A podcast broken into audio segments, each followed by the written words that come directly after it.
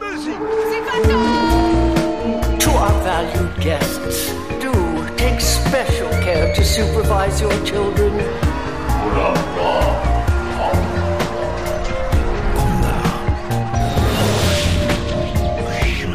Het is weer ochtend in Pretparkland. Goedemorgen pretparkland en welkom bij je ochtendelijke pretparkpodcast. Mijn naam is Arjen Taats en Bram Faams en ik hebben het vandaag over Tomorrowland in Plopsaland de Pannen.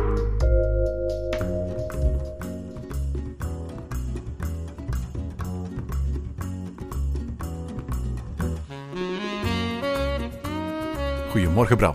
Goedemorgen, Erwin. Zeg Bram, in een eerdere aflevering vanochtend in de pretparkland, eigenlijk al een aantal keren hebben we het gehad over de nieuwe coaster die, die dit jaar in Plopsaland de pannen gaat komen. We kennen de coaster onder de projectnaam Time Traveler, maar vandaag zijn we te weten gekomen dat die coaster op een heel andere manier in de markt zal worden gezet. hè? Ja, en ik moest me toch even vasthouden aan mijn stoel toen ik eh, dat persbericht zag eh, binnenlopen. Eh, want wat een speciale samenwerking is me dat. Plopsa die gaat gewoon in zee met Tomorrowland. Twee fantastische grote merken uit België gaan samenwerken. Toch heel verrassend nieuws vind ik. Ja, absoluut. Een coaster die 17,5 miljoen gaat kosten, wat een waanzinnig groot bedrag is. En dat, dat komt al in de buurt van wat Baron 1898 gekost heeft in de Efteling.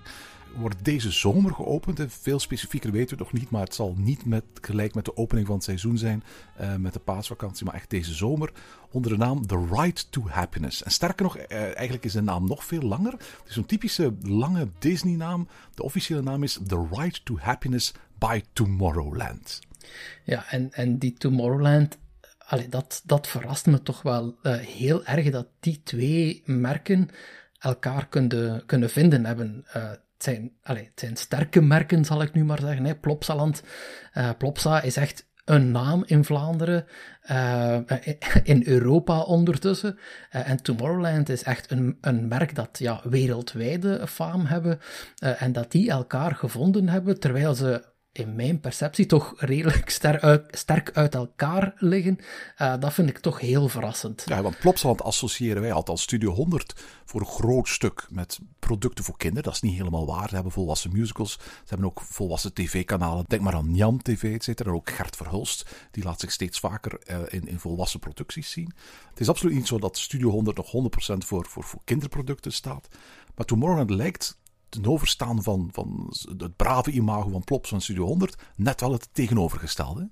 Daar ben ik niet 100% mee eens. Ehm, ja, in tegenstelling tot jij, Erwin, eh, ben ik wel een Tomorrowland-ganger. Ik ben er al eh, verschillende edities geweest.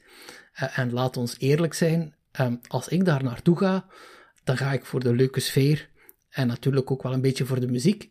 Maar het is toch eigenlijk wel een beetje een pretpark als je daar eh, rondloopt op die terreinen van het festival.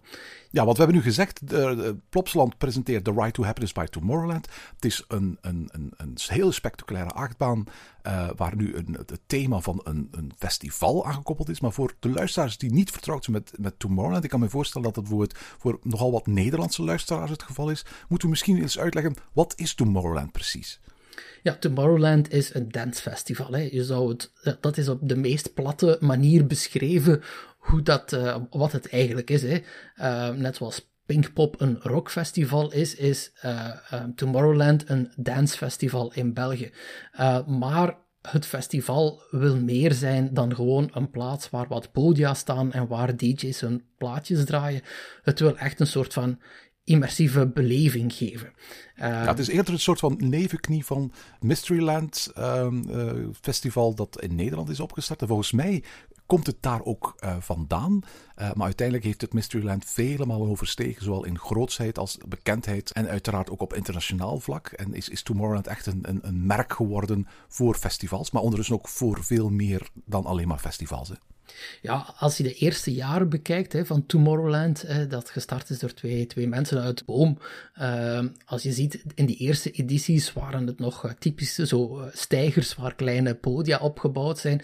En je ziet dat er jaar na jaar eh, steeds meer aandacht kwam voor thematisering. Hè, en dat niet alleen de podia echt in een mooi thematisch sausje uh, gegoten werden, maar dat de hele omgeving uh, werd aangekleed. Ja, want voor alle duidelijkheid, we moeten er ook nog bij zeggen, eigenlijk is het zo, het is een festival op wel een hele unieke locatie. Je zei het al, in, in, de Antwerpse, in het Antwerpse stadje Boom.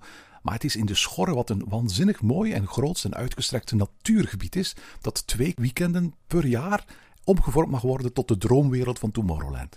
Ja, en ik weet niet of jij ooit al eens gaan wandelen bent in de Schorre. Ik ben al in de Schorre geweest, ja. Ja, als het festival daar niet doorgaat, dan is het een mooi uh, wandeldomein, uh, waar je, ja, je ziet daar heel veel bruggen en heel veel paden, veel meer als dat je normaal zou aantreffen, denk ik, in een soort natuurdomein om te gaan wandelen. Maar al die bruggen en die paden, die zijn gemaakt op maat van Tomorrowland. En zeker als je een bezoeker bent van het festival en je komt in datzelfde domein, um, als er geen festival aan de gang is, dan zie je hoe dat terrein gemaakt is ook voor dat festival. Hè. Het is niet zo ver van mijn deur, dus ik kom er regelmatig om, om er eens te gaan, uh, gaan wandelen. En door de jaren heen zie je hoe dat terrein zelf, dat natuurgebied, langzamerhand ook wat de vormen gaat aannemen uh, van het festival. Er is een, een stuk ongerept natuurgebied waar men uiteraard af moet blijven, maar de stukken die bewandelbaar zijn, daar zie je dat het, het terrein zich een beetje vormt naar het festival. Ja, en één keer het begin juli is, dan is het zo dat ze voor twee weekenden ondertussen eigenlijk dat, het grootste deel van dat festivalterrein helemaal inkleden en aankleden. En zoals je zelf zegt, het lijkt op dat moment, ik ben er zelf nog niet geweest, maar meer op een, op een, op een themapark dan echt op een Dranouter of Rockwerchter. Hè? Ja, het is echt een experience. En dat is een experience bij Tomorrowland die start van bij je thuis. Het is echt uitkijken. Uh, het is te zeggen, normaal gezien in een jaar zonder corona, dan begint de stress in januari, want dan moet je aan tickets geraken. En dat is altijd de grootste moeilijkheid van Tomorrowland, dat is er binnen geraken. Want er, de vraag overstijgt vele malen het aanbod en de wachtrijen zijn enorm. En om een ticketje te scoren, daar moet je echt wel uh, voorbij de gelukkigen zijn. Uh, maar stel dat je een ticket kan scoren voor één dag of voor een weekend, hè, want er zijn heel wat mensen die het hele weekend daar verblijven op uh, de camping of de glamping, hè, want je kan daar ook echt in kleine hutjes gaan slapen. Maar stel dat je dus aan je tickets bent geraakt, dan krijg je eind juni een klein schatkistje. En in dat schatkistje zit als het ware je Magic Band. Hè? De Magic Bands die we kennen uit, uit Disney World, ja, die heeft Tomorrowland ook. Het is een bandje dat je moet aandoen. en dat bandje is niet alleen je toegang tot het festivalterrein. Dat bandje is ook je manier van betalen. Hè. Dat bandje, dat ga je een hele dag nodig hebben voor uh, drank te kopen en eten te kopen. Ja, en net als bij Walt Disney World, als je die, die, die, die Magic Bands ontvangt, dat zit inderdaad daar ook in een mooi doosje.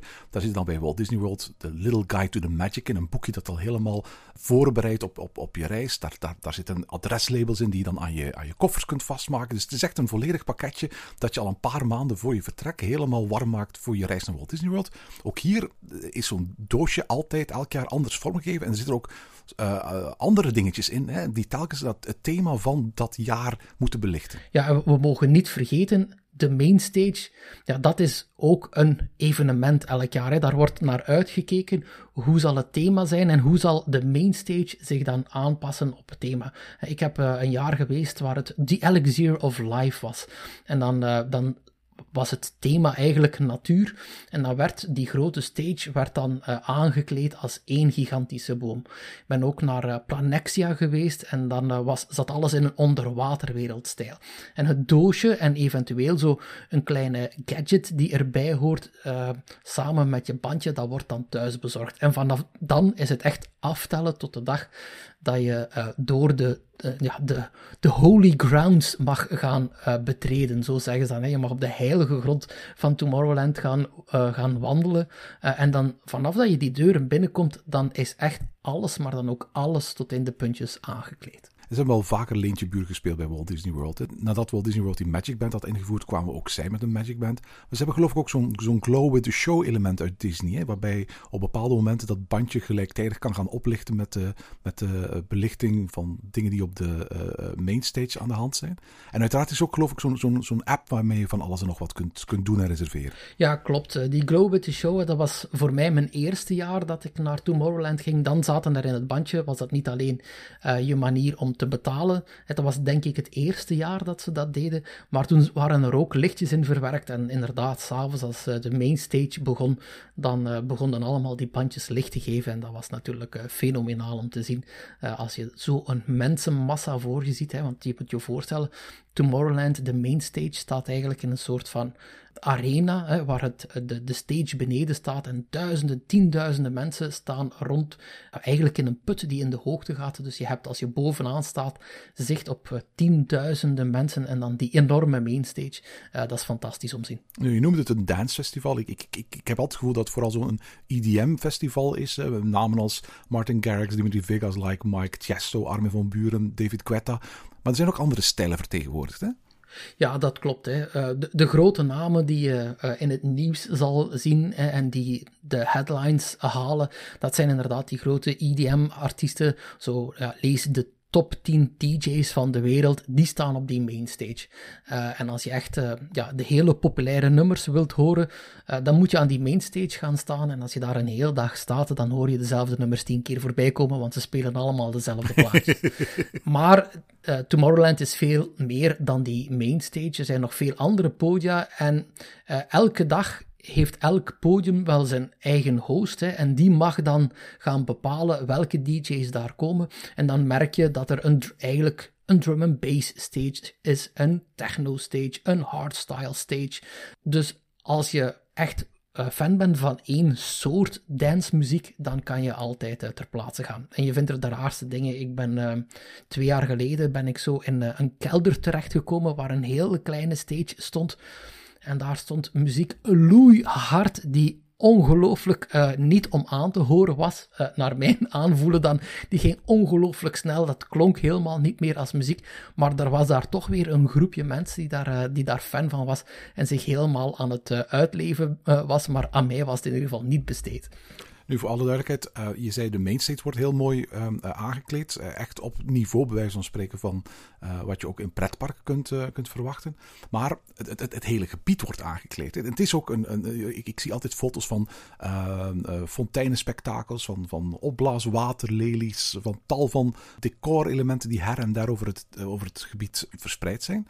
En ik, ik hoor Tomorrowland, want ik ben er zelf nog nooit geweest, altijd beschreven als de Efteling van de, de festivals, ook qua aankleding. Ja, dat klopt. En ik vertelde daarnet over dat thema. Hè. Het thema bepaalt de vorm van de mainstage. Hè. Dus die mainstage die ziet er elk jaar helemaal anders uit. Die wordt helemaal vanaf nul opnieuw ontworpen en die is nieuw. Voor de rest in het domein, ik ben nu verschillende edities geweest, zie je dezelfde elementen jaar na jaar wel wat terugkeren. Je sprak van die fonteinen, die lelies die in het water liggen, ja, die keren elk jaar opnieuw terug. Ook de verlichting langs de paden, die er als een beetje een soort van suikerstok bij staan, ja, die heb ik al elk jaar uh, weten terugkomen. Maar elk jaar verschijnen er ook nieuwe dingen. De vormgeving van de vuilbakken of de vormgeving uh, van versiering naast de paden, die verandert jaar na jaar en je ziet dat er elk jaar nieuwe dingen bij komen. En ik vertelde daarnet dat er nog heel wat andere stages waren. En die stages die kennen ongeveer een levensduur van een, ik zal nu maar zeggen, een viertal jaar een viertal keer na elkaar zie je hetzelfde stage in dezelfde vormgeving terugkomen en dan wordt die weer eens veranderd. Hè. En er zijn stages die echt heel erg opvallend zijn. Er is er eentje als een, een liggende draak die op de wei ligt en dan voortgaat in het water. En die heb ik daar nu toch al een, een drie à viertal jaar gezien, dus ik verwacht eigenlijk dat die in een van de volgende edities vervangen wordt door weer eens iets nieuws. Nu, we maakten de link met Efteling, maar het is natuurlijk zo dat er nog een veel sterkere link eigenlijk bestaat tussen Tomorrowland en Plopsaland. Ook al uh, ligt het doelpubliek zo ver uit elkaar. En dat heeft natuurlijk allemaal te maken met de decorbouwers. Hè? Want voor alle duidelijkheid, het grootste deel van, van het ontwerp van de decors werd gedaan door Kurt Heerman. En Kurt Heerman is de op oprichter van Neverland Theme Park Projects, een bedrijf uit uh, Hofstade, dat eigenlijk ontstaan is uit de traditie van Aals Carnaval en de, eigenlijk dezelfde traditie waar ook de hoofdontwerper van Plopsaland uit voorgekomen is, uh, uh, Pieter Koning. Heeft met zijn bedrijfje Neverland Theme Park Projects, Neverland Design oorspronkelijk, eigenlijk voor tal van parken de afgelopen jaren ontwerpen gedaan. Hij heeft er ook gedaan voor Walibi Belgium. Hij heeft onder andere Osiris in, in uh, Park Asterix onder andere helemaal van, van thematisering uh, voorzien. Het, het, bedrijf Neverland is ondertussen gestopt met bestaan. En Kurt Heerman is daarna eigenlijk aan de slag gegaan bij, bij Plopsland, waar hij nu als creative uh, werkt. En in een stijl die heel schatplichtig is aan de stijl van Pie de Koning, ontwierp hij jaar na jaar eigenlijk de mainstage van Tomorrowland. En ook de concept arts die Plopsaland heeft uitgebracht voor The Ride to Happiness, die zijn niet van de hand van Pie de Koning, maar van de hand van Kurt Heerman. Dus de, de, de hoofdontwerper van Tomorrowland, die heeft eigenlijk zijn hand geleend aan de ontwerpen die straks in Plopsaland zullen worden gebouwd. Dus die creatieve link tussen Tomorrowland en Plopsaland, die was er eigenlijk al heel erg lang. Dezelfde persoon die bij wijze van spreken ervoor zorgde dat Anubis werd gebouwd, was ook de persoon die de mainstages van Tomorrowland ontwierp. En hij vormt nu eigenlijk de logische creatieve schakel tussen Tomorrowland aan de ene kant en Plopsaland aan de andere kant. Ja, en laten we het eens hebben over die visual die Plopsa heeft uh, meegestuurd met, met het persbericht. Hè.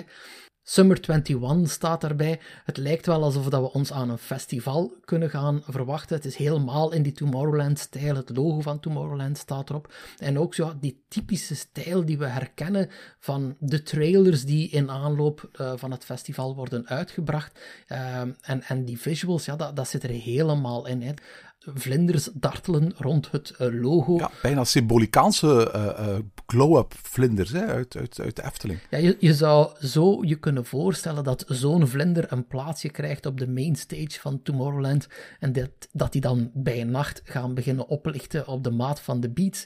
Ik kan het me zo voorstellen. Het lijkt echt alsof het een aankondiging is van een editie van Tomorrowland, maar nee, het is een aankondiging van een ride bij Plopsa. Ja, we weten dat de ride een kopie is van een, een bestaande attractie die ook in Silver Dollar City in Amerika staat. Een, een Ride Extreme Spinning Coaster. Uh, waar we de vorige keer in, in onze eerste aflevering van het negende seizoen al meer over hebben gezegd. En, en uh, Plopsaland neemt de bestaande, het bestaande ontwerp van de, van de achtbaankarretjes van de Time Traveler over in The Ride to Happiness dat design was voor een heel groot stuk gebaseerd op steampunk met allerlei uh, uh, glimmende metalen, uh, tandwielen en dat soort dingen meer. En we zien in het logo eigenlijk voor The Ride to Happiness die steampunk-stijl gecombineerd worden met ja, het huislogo van Tomorrowland. Hè? Ja, je werkt zoveel in die affiche als je er even naar begint te kijken. En je ziet daar een tandwiel, en dat verwijst dan naar die steampunk-stijl.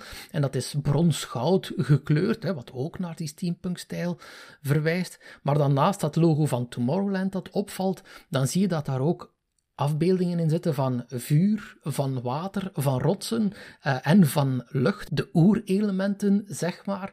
En dan rond dat tandwiel vliegt nog eens uh, twee strepen vuur en daar rond uh, vliegen vlinders. Dus er zit wel heel veel is er te vinden in, in één affiche van, een, van een rollercoaster. Als je dan kijkt naar bijvoorbeeld het ontwerp van, van Kurt Herman voor het station van de coaster, dan zie je dat Plopsa daar eigenlijk teruggegrepen heeft naar een stijl kenmerk dat ze heel graag gebruiken. Eh, wat we ook terug zien komen in, in bijvoorbeeld het hotel op een aantal plaatsen, namelijk de Art Nouveau. Um, Art Nouveau is uiteraard um, een, een, een van, de, van de meest prominente kunststijlen op het moment dat je naar, uh, naar Brussel gaat, bijvoorbeeld, maar ook, ook in andere uh, plekken in, in, België. Het is een typisch Belgisch-Franse kunststijl. In Duitsland ook bekend onder de naam Jugendstil. Met typisch heel veel langstelige, gracieus gestileerde plantenvormen. Uh, lelies, kelken, papavers, rozen. Uh, en die zien we allemaal terugkeren in, in, in het ontwerp van dat, uh, van dat station. Het is, het, is, op zich een heel fraai station, maar tegelijkertijd merk je ook dat het een stijl is die, die een heel mooie crossover is tussen als het ware de, de feerieke stijl van Tomorrowland. Aan de andere kant wat ondertussen de huisstijl geworden is, bijna cartoony huisstijl van, van Plopsaland. En uh, uh, wat mij ook opviel is, is hoe beperkt eigenlijk de aanwezigheid is van, van Tomorrowland in ons ontwerp. Je ziet helemaal bovenaan het station wel het oogje en het vlindertje staan dat, dat typerend is voor het logo van, uh, van Tomorrowland.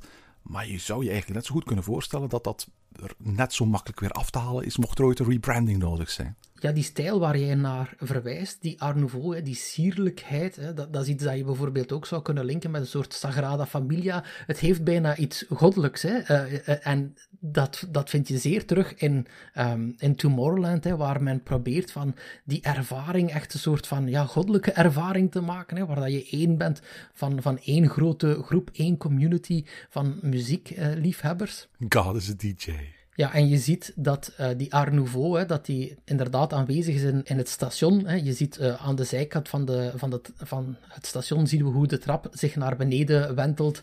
En daar staat dan die slogan van Tomorrowland op. Hè. Love tomorrow, uh, live today. Dat is wat je daar ook overal te zien krijgt als je op het festival zelf gaat en het logo staat daarop. Het is dan de vraag van hoe ver gaan ze dat doortrekken? Waar stopt het, uh, het Plopsa-gedeelte en waar begint het uh, Tomorrowland-gedeelte? En vanaf wanneer moet je dan in dat, uh, in, dat Tomorrowland-gevoel gaan?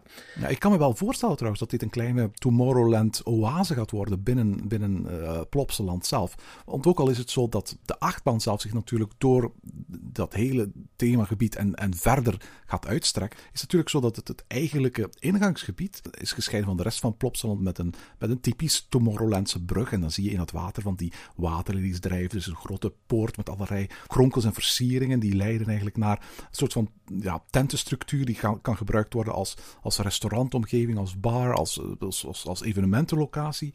En dan kun je verder wandelen en kom je eigenlijk aan bij het station en de souvenirwinkel. Ik kan me wel best wel voorstellen dat je als je eenmaal in dat gedeelte bevindt, het bevindt zich eigenlijk tussen de vijver waarin de bootjes van de Piet Piraat Supersplash neerdalen en het bestaande gebied van, uh, van Kabouter Plop. Um, kan, ik kan me best wel voorstellen dat je je daar helemaal in een soort Tomorrowland sfeertje zult kunnen voelen. En ik denk dat de muziek er ook zeker aan zal bijdragen, want Plopsa heeft al aangekondigd uh, dat er een ja, unieke soundtrack zal komen, gebaseerd op de hymne van Tomorrowland, die ooit werd ge gecomponeerd door uh, Hans Zimmer en bekend is voor elke Tomorrowland-ganger. Een prachtig, uh, een prachtig stukje muziek. Dus ik ben heel benieuwd of dat daar dan zo'n Plopsa-toets aan gaat gegeven worden aan dat nummer, of dat het toch echt de, ja, dichter bij de bombastische Tomorrowland-versie zelf zal blijven. Nu, voor alle duidelijkheid, we moeten kijken wat je nu net gezegd hebt en hoe spectaculair dat is. België krijgt straks met The Right to Happiness de eerste attractie ter wereld met on-ride muziek van Hans Zimmer dat is op zich wel heel erg spectaculair. Hè? Uh, uiteraard, uh, Hans Zimmer is niet nieuw in pretparkland. De, de filmmuziekcomponist is her en der al te horen. En zo'n beetje elk Disney Resort heeft wel een Lion King show. Uh, in Universal Studios Singapore kun je zijn muziek uit, uit Madagaskar horen. In Madagaskar The Ride in Gardaland bij de Kung Fu Panda attractie. En uiteraard in alle Disney parken heb je ondertussen een, een, een versie van Pirates of the Caribbean van, van, van Johnny Depp. Waar ook de muziek die, die Hans Zimmer althans op papier gecomponeerd heeft voor, uh, voor, voor de film Pirates of the Caribbean. Eigenlijk is de muziek trouwens van zijn arrangeur Klaus Badelt. Uh, maar eigenlijk is het zo dat, dat uh, Hans Zimmer um, een contract getekend had om als enige componist verbonden te zijn aan, Tom, aan de Tom Cruise film The Last Samurai. En op een bepaald moment, toen Gore Verbinski in de problemen kwam met Alice Silvestri, die oorspronkelijk de muziek voor Pirates of the Caribbean zou schrijven, um, werd hem gevraagd van, um, zou je dat zien zitten om ook de muziek van Pirates of the Caribbean te schrijven? En Hans Zimmer zei van, ik wil dat wel doen, maar ik mag het niet, want ik heb een contract getekend dat ik alleen maar zou op dit moment aan het werk zijn aan The Last Samurai. Dat soort contracten, exclusiviteitscontracten, worden in Hollywood wel vaker getekend. En uh, toen heeft hij gezegd van, weet je wat, ik ga gewoon er zelf aan werken. Ik ga ook een themaatje dat ik ooit voor Gladiator gebruikt heb, gaan hergebruiken als hoofdthema uh, voor Pirates of the Caribbean. Ik ga alle credits wel doorschuiven aan, uh, naar, naar Klaus Badelt, dan is dan in elk op papier in orde. En dat bedrijfje van Hans Zimmer doet ook veel muziek buiten films. Zo componeerde hij het motorgeluid van bijvoorbeeld de BMW i4. Een, eh, een elektrische auto die natuurlijk geen motorgeluid maakt, maar wel wat motorgeluid nodig had. Hij is een notoire autoliefhebber, Hans Zimmer. En, en hij componeerde muziek voor heel veel autocommercials, van Volvo tot Range Rover. Hij maakte de achtergrondmuziek voor de Amerikaanse supermarkt Walmart, voor de FIFA World Cup en de Champions League en Major League Soccer in de Verenigde Staten. En uh, in 2013 bracht hij eigenlijk een bezoek aan Tomorrowland in, in Boom. En daar kwam hij dus in gesprek met de organisatoren. En die stelden hem voor van, kijk, uh, binnenkort is onze tiende verjaardag. Zou je niet geen zien zitten om helemaal in jouw Hans Zimmer-stijl een eigen hymne te componeren? En die heeft hij toen gecomponeerd. Tien minuten lang heeft hij opgenomen in Londen. En dat is in 2014 voor het eerst op de weide van Tomorrowland um, uh, uitgevoerd door, hier is de naam opnieuw, Dirk Brossé met een groot symfonisch orkest. En, en, en nu gaat die hymne gehercomponeerd worden, aangepast worden, uh, zowel als achtergrondmuziek als on-ride muziek van The Ride to Happiness. Ja, en ik moet zeggen als, als grote Tomorrowland-fan dat ik daar eigenlijk wel naar uitkijk. Uh, die, die hymne van Tomorrowland, dan gaat het haar op mijn armen recht staan. Uh, het is ja, niet alleen een pracht, prachtige hymne. Maar ik heb er natuurlijk heel veel goede herinneringen aan. Die muziek is echt rechtstreeks gekoppeld in mijn brein met leuke herinneringen, met vrienden op leuke dagen op de wei in Boom. En dat dan meemaken eh, in het gebied van een achtbaan en in een achtbaan zelf, die er bovendien super spectaculair uitziet, ja, daar kijk ik ongelooflijk naar uit. Zo zie je maar hoe belangrijk thema wel dit is. Hè? Want, want in onze eerste aflevering van, het, van, van, van dit seizoen hadden Jelle en ik het nog over naar welke achtbaan kijken nu het meeste uit? Naar, naar Conda in Walibi, Belgium? Of naar de nieuwe coaster, waarvan we nu weten dat niet The Ride to Happiness gaat heten, in Plopsaland? En toen zeiden we, puur op basis van de statistieken van de achtbaan, dat we meer uitkeken naar, naar Conda dan naar die achtbaan in Plopsaland. Maar ik moet eerlijk toegeven, nu ik die hele thematisering gezien heb, nu ik die link met Tomorrowland gezien heb, en met name als het ware de, de, visuele thematische kant van Tomorrowland, ben ik eigenlijk zelfs meer geïnteresseerd geworden in wat Plopsaland ervan gaat maken, dan in Conda van Walibi Belgium. Het heeft mij letterlijk één persaankondiging gekost om bijna volledig van gedachte te veranderen. Ja, en waar dat ik dan enorm nieuwsgierig naar ben, is wat gaat dit doen voor het doelpubliek van Tomorrowland? Want Plopsa kiest hier niet zomaar voor. Een kleutertje die uh, gaat sowieso niet in die achtbaan gaan.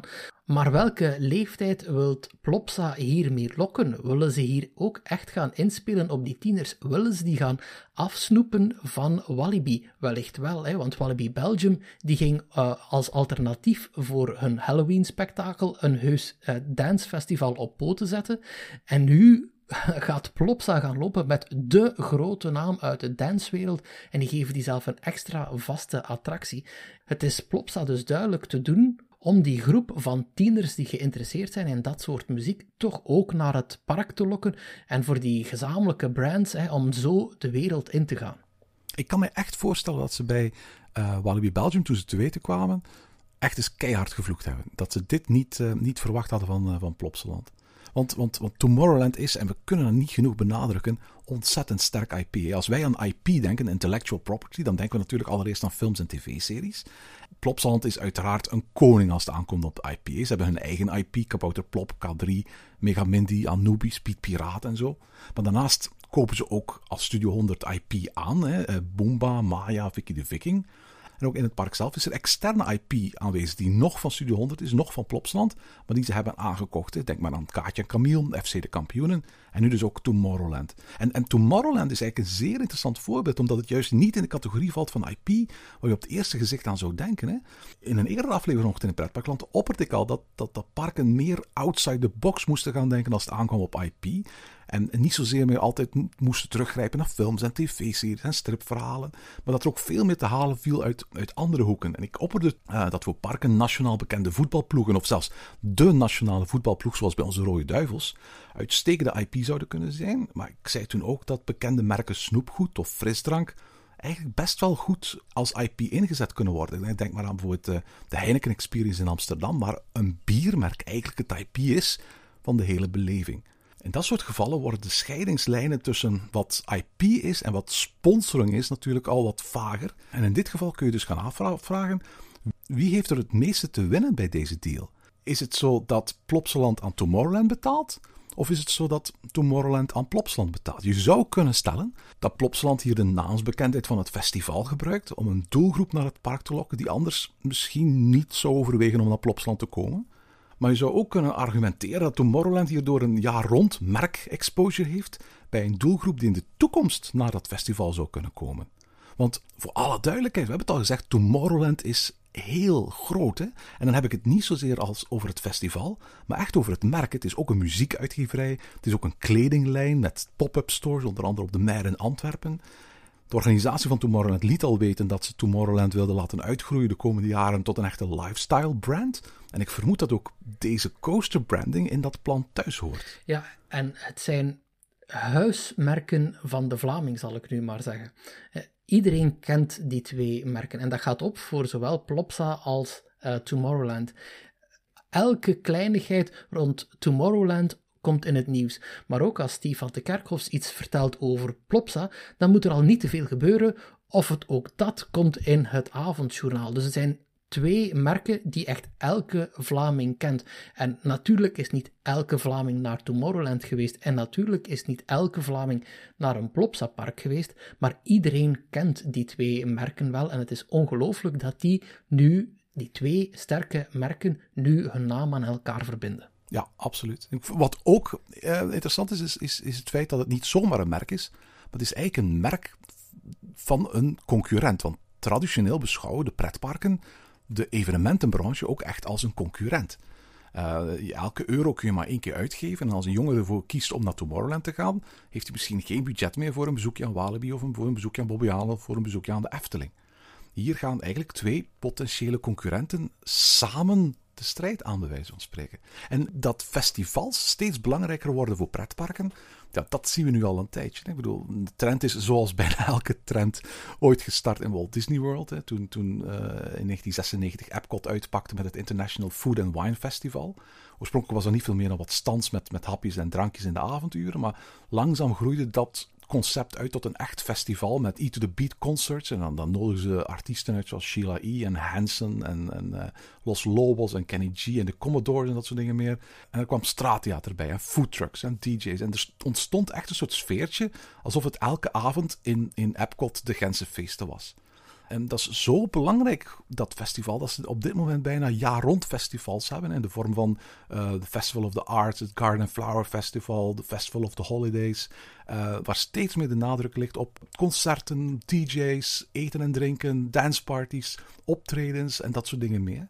En uh, toen in, in augustus 2019 op de D23 Expo een meerjarenplan werd voorgesteld aan Epcot, stelde ze daar letterlijk bij wijze van spreken een themagebied voor, eigenlijk het, de middelste corridor van het park.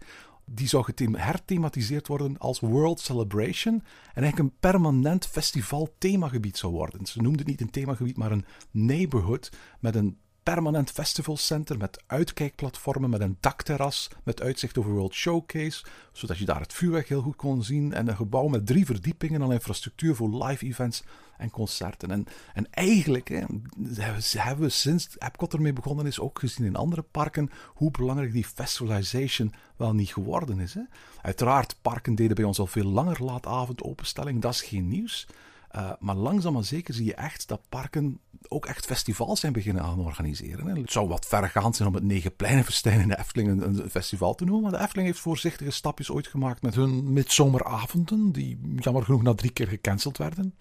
Maar goed, dat had meer te maken met onzekere marketing en een totaal verkeerde datumkeuze op exact hetzelfde moment dat hun doelgroep enkele tientallen kilometers verderop in de Beekse Bergen op Pestcap Secret zat. Onbegrijpelijk was dat. Mhm. En later hebben ze het Tomorrowland sfeertje in huis gehaald met de Tiesto-versie van Aquanura. Maar daar is het voor de rest wel bij gebleven in Kaatsheuvel. En ook toen Walibi Belgium zijn, zijn park een, een, een, muziekthema wou meegeven, hadden ze meteen plannen om daar echt een soort van festivalsfeertje te creëren. De eerste jaren hebben ze dat ook niet onaardig gedaan, met onder andere een beachfestival met een aangelegd strand met DJ's en cocktailbars en foodtrucks. Um, en, en afgelopen zomer was ik bijvoorbeeld in, in, Toverland. En ook daar zag je dat ze samen met hun, hun campingstructuur en DJ's in Port Laguna en live op, optredens uh, in alle themagebieden echt wilden gaan voor dat festivalsfeertje. En het park dat misschien het verst daarin tot nu toe is doorgedreven, is ongetwijfeld Walibi Holland natuurlijk. Hè, door, het, door het festival als thema binnen te halen in het park zelf. Hè. Dus de tijdelijke zomerfestivals voor Walibi Holland werden een inspiratiebron op het gebied van decoratie, aankleding en themagebieden. En niet zozeer voor het organiseren van festivals. Um, dat zorgde ervoor dat de afgelopen jaren Walibi Holland steeds meer werd volgezet met tijdelijk uitziende ready-mades en collages en graffiti en Instagram art installaties permanent bedoeld, maar ze gaven het park altijd een soort sfeer van low-cost tijdelijkheid. Hè? En als je Walibi Holland bezoekt op een dag waarbij het weer en de drukte die van een zomerfestival benadert, dan, dan heb je daar best wel dat festivalsfeertje. Maar op andere bewolkte dagen met weinig bezoekers krijg je juist een heel, heel ander effect. En we zien hier in, in, in, in Plopsaland dat men eigenlijk als het ware de, ja, de vijf sterren treatment van Tomorrowland opnieuw als festival gaat introduceren. Maar misschien meer nog dan als festival, echt als merk gaat introduceren in dat park. En dat vind ik toch wel echt heel erg bijzonder. En meer nog, als ik vertel aan mijn collega's en, en vrienden die niet naar Tomorrowland gaan dat het uh, weer spektakel was, dan hoor ik heel vaak: Goh, ik zou daar zo graag eens naartoe gaan, maar dan alstublieft met de muziek uit. Ik wil het niet horen, maar ik wil graag al die decoratie een keer zien. Ik denk dat dat zo spectaculair is. Um, en ik denk dat Plopsa er nu heel slim mee gespeeld heeft om mensen eigenlijk op kleine schaal die mogelijkheid te geven om eens te gaan proeven van dat sfeertje van het festival in Boom, maar dan in de pannen. Ja, we vroegen ons eerder dit seizoen al af van hoe gaat Plopsaland die coaster doen aansluiten, die spectaculaire coaster doen aansluiten bij het publiek dat het park al heeft. En ik denk dat ze hier eigenlijk de magische formule gevonden hebben om een thematische rijkheid te combineren aan een merk dat 100% aanspreekt aan de doelgroep waar ze het op, op, op, willen richten. Ja, absoluut. Ze gaan nieuwe mensen ontdekken, ze gaan ogen doen opengaan. En ik denk dat ze hun eh, concurrenten heel jaloers gemaakt hebben. Zeg nog één dingetje dat mij opviel en waarmee ik wil afronden. Dat is die affiche die ze uitgebracht hebben. Want dat is natuurlijk wat ze gedaan hebben. En net zoals een festival een affiche heeft, hebben ze niet zomaar een logo naar buiten gebracht en wat visuals uitgebracht. Ze hebben letterlijk een festivalaffiche uitgebracht van The Ride to Happiness, van hun nieuwe achtbaan. En daar staat inderdaad boven: Tomorrowland presents The Ride to Happiness. Maar wat mijn aandacht ook meteen trok, was wat daaronder stond. Er stond onder Plopsa de Pannen Summer 2021. Er stond Plopsa de Pannen en niet Plopsaland de Pannen. Dat vind ik op zich wel een zeer interessante naamsverandering. misschien betekent het niks, hè? maar inderdaad, het woord Plopsaland heeft wat mij betreft iets kinderlijkers dan het woord Plopsa. En door de opstap te maken en dit te gaan richten naar een oudere doelgroep, houdt een naamsverandering van Plopsaland naar Plopsa eigenlijk best wel steek. En ik vraag mij af, zeker gezien de, de, de stappen die Plopsaland nu zet naar een oudere doelgroep, in hoeverre we dit moeten zien als een soort van eerste voorzichtige stap richting misschien zelfs een permanente naamsverandering, waarbij het woord Plopsa eigenlijk de wat kinderlijke variant van Plopsaland in de toekomst steeds vaker en op een bepaald moment misschien voor altijd gaat vervangen. Of misschien wordt Plopsa de naam van het resort dat zowel het zwembad, de theaterzaal, het hotel en Plopsa Land omvat. Uh, en, en, wil men in die richting gaan evolueren, maar dan zou het een beetje raar zijn uh, dat men toch naar het resort verwijst uh, om de achtbaan aan te wijzen. Maar ik denk dat we dat enkel in de toekomst gaan moeten ontdekken. Bram, mijn muziekliefhebberij bevindt zich ergens in een heel andere sfeer dan de muziek die op Tomorrowland gespeeld wordt. Maar ik hoor absoluut tot um, het publiek dat regelmatig uh, al eens bedacht heeft van ik zou eigenlijk best wel eens naar Tomorrowland willen gaan. En de foodtrucks en de culinaire ervaringen en de, de, de, uh, de thematisering en decoratie uh, willen meemaken. Maar dan zonder bij wijze van spreken dat IDM erbij. En ik geloof stellig dat ik komende zomer daar in Plopsaland een voorsmaakje van zal kunnen krijgen. Ik ben het daar helemaal mee eens, Erwin, en ik wil nog een stapje verder gaan. Ik ben een grote fan van dancemuziek, maar wat ik nog sterker vind aan het Tomorrowland-merk is die decoratie. Een, een andere wereld, die brengt mij helemaal weg van de dagelijkse realiteit. En ik moet eerlijk toegeven, als ik dan op die heilige festivalgrond ben en ik hoor dan weer een DJ voor de tien keer dezelfde plaat opzetten en naar mij roepen dat ik mijn handen in de lucht moet steken, uh, dan haalt mij dat ook een beetje weg uit die sfeer. En ik vermoed een beetje dat die echte feerieke en sprookjesachtige sfeer, uh, dat die in Plopsaland misschien zelf nog meer tot zijn recht gaan komen dan op de festivalgrond. Ik hoor het al, het wordt een zomer vol Samson en Reggie en alles is op remix in de pannen. En de handjes in de lucht. En tot zover deze aflevering van Ochtend in Pretparkland. Volg ons via het Pretparkland op Twitter, Instagram en Facebook of mail naar ochtend.pretparkland.be. Ochtend in Pretparkland is de pretparkpodcast voor vroege vogels. Bedankt voor het luisteren en maak er een fijne dag van.